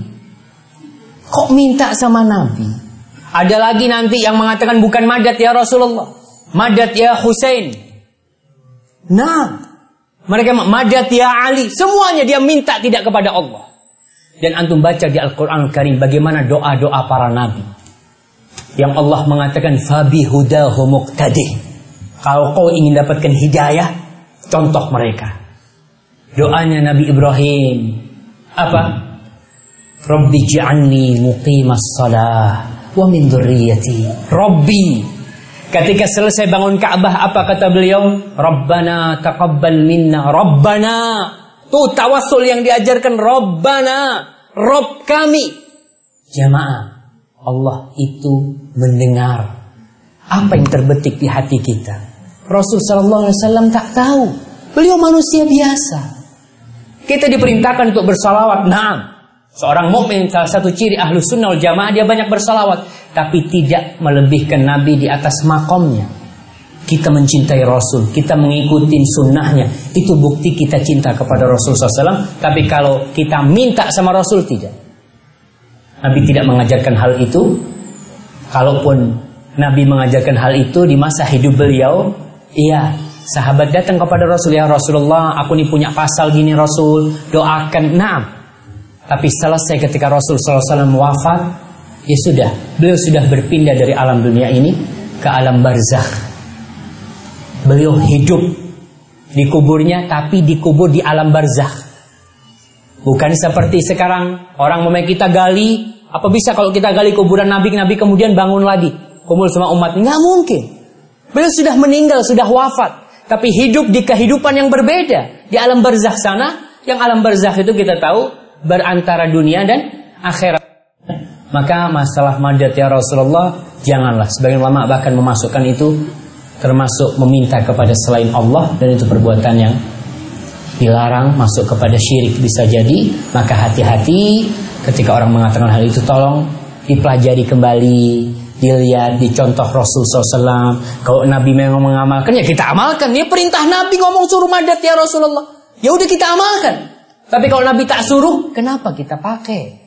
Allah tak suruh kenapa kita amalkan? Apa kita lebih tahu dari Allah dan Rasulnya? Dan doa-doa sudah ada contohnya. Ketika sholat doanya apa Rabbil firli warhamni subhanallah. Ketika istiftah Allahumma ba'id baini wa baina khotoyaya Allahumma subhanallah. Itulah tawasul tawasul yang dianjurkan oleh Allah dan Rasulnya. Maka contoh kita di sanalah. Kalau memang itu ada di Al-Quran dan Sunnah kita amalkan nggak ada ya tak perlulah. Bahkan itu berbahaya buat agama kita. Yang kedua masalah ISIS ISIS ini bahasa Arabnya apa? Ada yang tahu? Daesh nam Daesh daulah Irak Wasyam Al-Islamiyah itu saja Al-Islamiyah negeri Syam dan Irak Al-Islamiyah. Apakah mereka itu ahlus sunnah wal jamaah? Kita sebagai orang awam Ketika ada masalah yang pelik Tanyakan kepada ulama Allah mengatakan Fas'alu ahla dzikri In kuntum la ta'lamun kita lihat bagaimana ulama-ulama yang ada di umpama yang ada di Syam. Syam itu mana aja jemaah? Yordania, Jordan, Palestina, Syria, Libanon. Itu ulama-ulama yang di sana. Kita tanyakan kepada ulama-ulama ahli sunnah wal jamaah yang ada di Irak. Kita tanya kepada yang ada di Timur Tengah, yang mereka ulama-ulama. Kita tanya kepada mereka, bagaimana pandangan mereka terhadap Daesh. Karena ada orang-orang yang menghukumi Daesh, ilmunya sedikit. Kita kasih contoh, ada seorang ulama terkenal di dunia ini. Bahkan orang-orang mungkin punya bukunya. Dia dulu puluhan tahun yang lalu sampai lepas tahun kemarin. Dia itu selalu memuji Hizbullah. Dia katakan Hizbullah di Libanon itu berjihad di jalan Allah terus. Ulama-ulama lainnya mengatakan Hizbullah adalah sesat. Mereka adalah Syiah Rafidah. Mereka adalah orang-orang pembunuh ahlu sunnah jamaah. Si ulama tetap bela-belain. Tapi akhirnya dia baru sadar. Ternyata dia salah. Maka kita hati-hati ketika mau bertanya-tanya pada ulama yang benar. Bagaimana pandangan mereka tentang Daesh ini, tentang ISIS ini. Syekh Oh, banyaklah ulama-ulama Syam, Suria, Irak. Salah satunya Syekh Sa'ad Asyatri yang pernah datang ke Indonesia. Dia ketika ditanya tentang Daesh, dia mengatakan kalau melihat perjalanan ISIS ini, mereka itu dulu Al-Qaeda dan para ulama sudah menjelaskan bahwasanya Al-Qaeda adalah termasuk teroris dan khawarij. Kemudian mereka melihat ketika berangkat ke Irak, Al-Qaeda berangkat ke Irak kemudian menjelma menjadi ISIS dan mereka perang sama Al-Qaeda. Mereka perang sama Al-Qaeda nih dua. Syekh saat Asasri melihat Daesh ini dimotori, digerakkan oleh partai Ba'ath. Tahu partai Ba'ath? Partai Ba'ath itu partainya Saddam Hussein. Jadi di Irak itu ada komandan-komandan Saddam Hussein yang dia masih hidup dan dia ingin mengembalikan kekuasaan mereka. Mereka menggunakan orang-orang Islam. Dipakai itu. Karena kalau ngomong Islam, oh jihad, mereka berangkat. Tapi digerakkan oleh mereka. Ini kesimpulan yang diambil oleh Syekh Sa'ad Al-Thatri. Dan mereka, na'udzubillah min syarrihim. Mereka itu membunuh siapa saja yang tidak mau bergabung dengan mereka. Karena ketika mereka mengumumkan khilafah Islamiyah, siapa saja. Jadi di Irak, di Syam itu banyak mujahidin Dari kelompok-kelompok kecil yang berjihad di kampung sana, dia berjihad di sana berkampung. Semua kelompok yang tidak mau bergabung dengan ISIS dibunuh sama mereka. Nauzubillah min dzalik dan mereka juga di mana-mana berusaha membuat teror dan kita sebagai ahlus sunnah jamaah tidak boleh mendoakan bagi mereka kecuali memintakan hidayah buat mereka. Semoga Allah memberikan hidayah kepada mereka dan mengembalikan mereka kepada kebenaran dan tidak tertipu. Itu pendapat yang menurut saya yang lebih benar di antara pendapat-pendapat para ulama. Kalau dikatakan tadi mereka mengajarkan kitab tauhid, mereka mengajarkan Al-Qur'anul Karim. Orang-orang Khawarij di masa Ali bin Abi Thalib, Rasul menceritakan tahkiruna salatakum ma'a salatihim. Salat kalian ah nggak ada apa-apanya dibanding salat mereka. Ibadahnya mereka lebih dahsyat mereka baca Al-Quran tapi tak sampai ke hati mereka. Cuma sampai di tenggorokan mereka. Kemudian Nabi mengatakan yakhrujuna minad din. Kama yakhrujus sahmu minar ramiyah. Mereka keluar dari agama seperti anak panah keluar dari buruannya. Tembus itu seperti itu. Maka hati-hati kita harus berhati-hati. Ini termasuk penyakit syubuhan. Kalau ada masalah apa-apa kita kembali kepada para ulama. Kita tanyakan kepada mereka. Karena mereka yang diberi ilmu oleh Allah SWT. Wallahu a'lam Baik, uh, ini mungkin dalam pertanyaan terakhir. Sir. Alhamdulillah. Jadi sebelumnya juga saya mohon maaf kepada uh, para ikhwan yang sudah memasukkan pertanyaan. Insya Allah mudah-mudahan nanti Ustaz Reza memberikan nomor handphonenya kepada kita Antum langsung telepon apa namanya SMS beliau Boleh Ustaz? Sama nggak dijawab Ustaz Oke ini ada satu pertanyaan Dan saya kira pertanyaan ini sangat penting Ustaz bagaimana uh, pandangan Antum tentang usaha membersihkan jiwa dengan menyepadukan unsur agama dengan agama lain seperti ESQ. Apa itu? ESQ yang ESQ itu. Ah, nah. Bagaimana membersihkan. membersihkan jiwa dengan cara seperti itu? Itu kita punya Al-Qur'an dan Sunnah. Tadi kita udah tahu aturannya untuk tazkiyatun nafas untuk menjadikan jiwa kita itu adalah Al-Quran dan Sunnah. Kalau ISQ ini ada penyimpangan, maka kita tolak. Dan alhamdulillah ISQ ini dulu awal-awalnya begitu terkenalnya ya, di mana-mana sampai ke mana-mana dan sekarang sudah banyak orang-orang ISQ sendiri yang keluar dari ISQ karena mereka melihat ada penyimpangan-penyimpangan yang mereka di mana? Di caranya itu menggunakan lagu-lagu dan musik kadangkala model di gereja akhirnya. Pakai suara-suara seperti itu. Kemudian ada laki sama perempuan campur satu majelis. Lalu mereka ada tim katanya Wallahu alam ada yang menangis nanti. Karena orang kalau menangis semua pada menangis. Lalu mereka saling berpelukan. Ya tidak seperti itu karena yang pertama membersihkan jiwa adalah tauhid kita maka kita lihat lagi kepada Al-Quran dan Sunnah kalau nggak sesuai ya kita berusaha untuk memperbaikinya dan kalau nggak bisa ya tinggalkanlah. Wallahu alam bisawab. Ya itu pandangan sebagian ulama seperti itu. Itu pandangan anak ya, bisa jadi pandangan anak salah dan saya senang dengan pertanyaannya, apa pandangan antum? Itu bagus. Karena anak tidak menisabkan ini kepada Islam. Itu pandangan anak dan bisa jadi anak salah. Wallahu a'lam Ada Ustaz Saifuddin di sini. Ustaz, fadl Ustaz, gimana Ustaz? Menurut antum Ustaz? Saya sama sih. Ada penambahan berkenaan CSQ di Malaysia Jabatan Muslimin sudah melakukan uh, kajian peneliti dan ikupan kesesatan uh, ESG uh, dan sudah ada uh, bahagian panel kajian Akidah Jaki.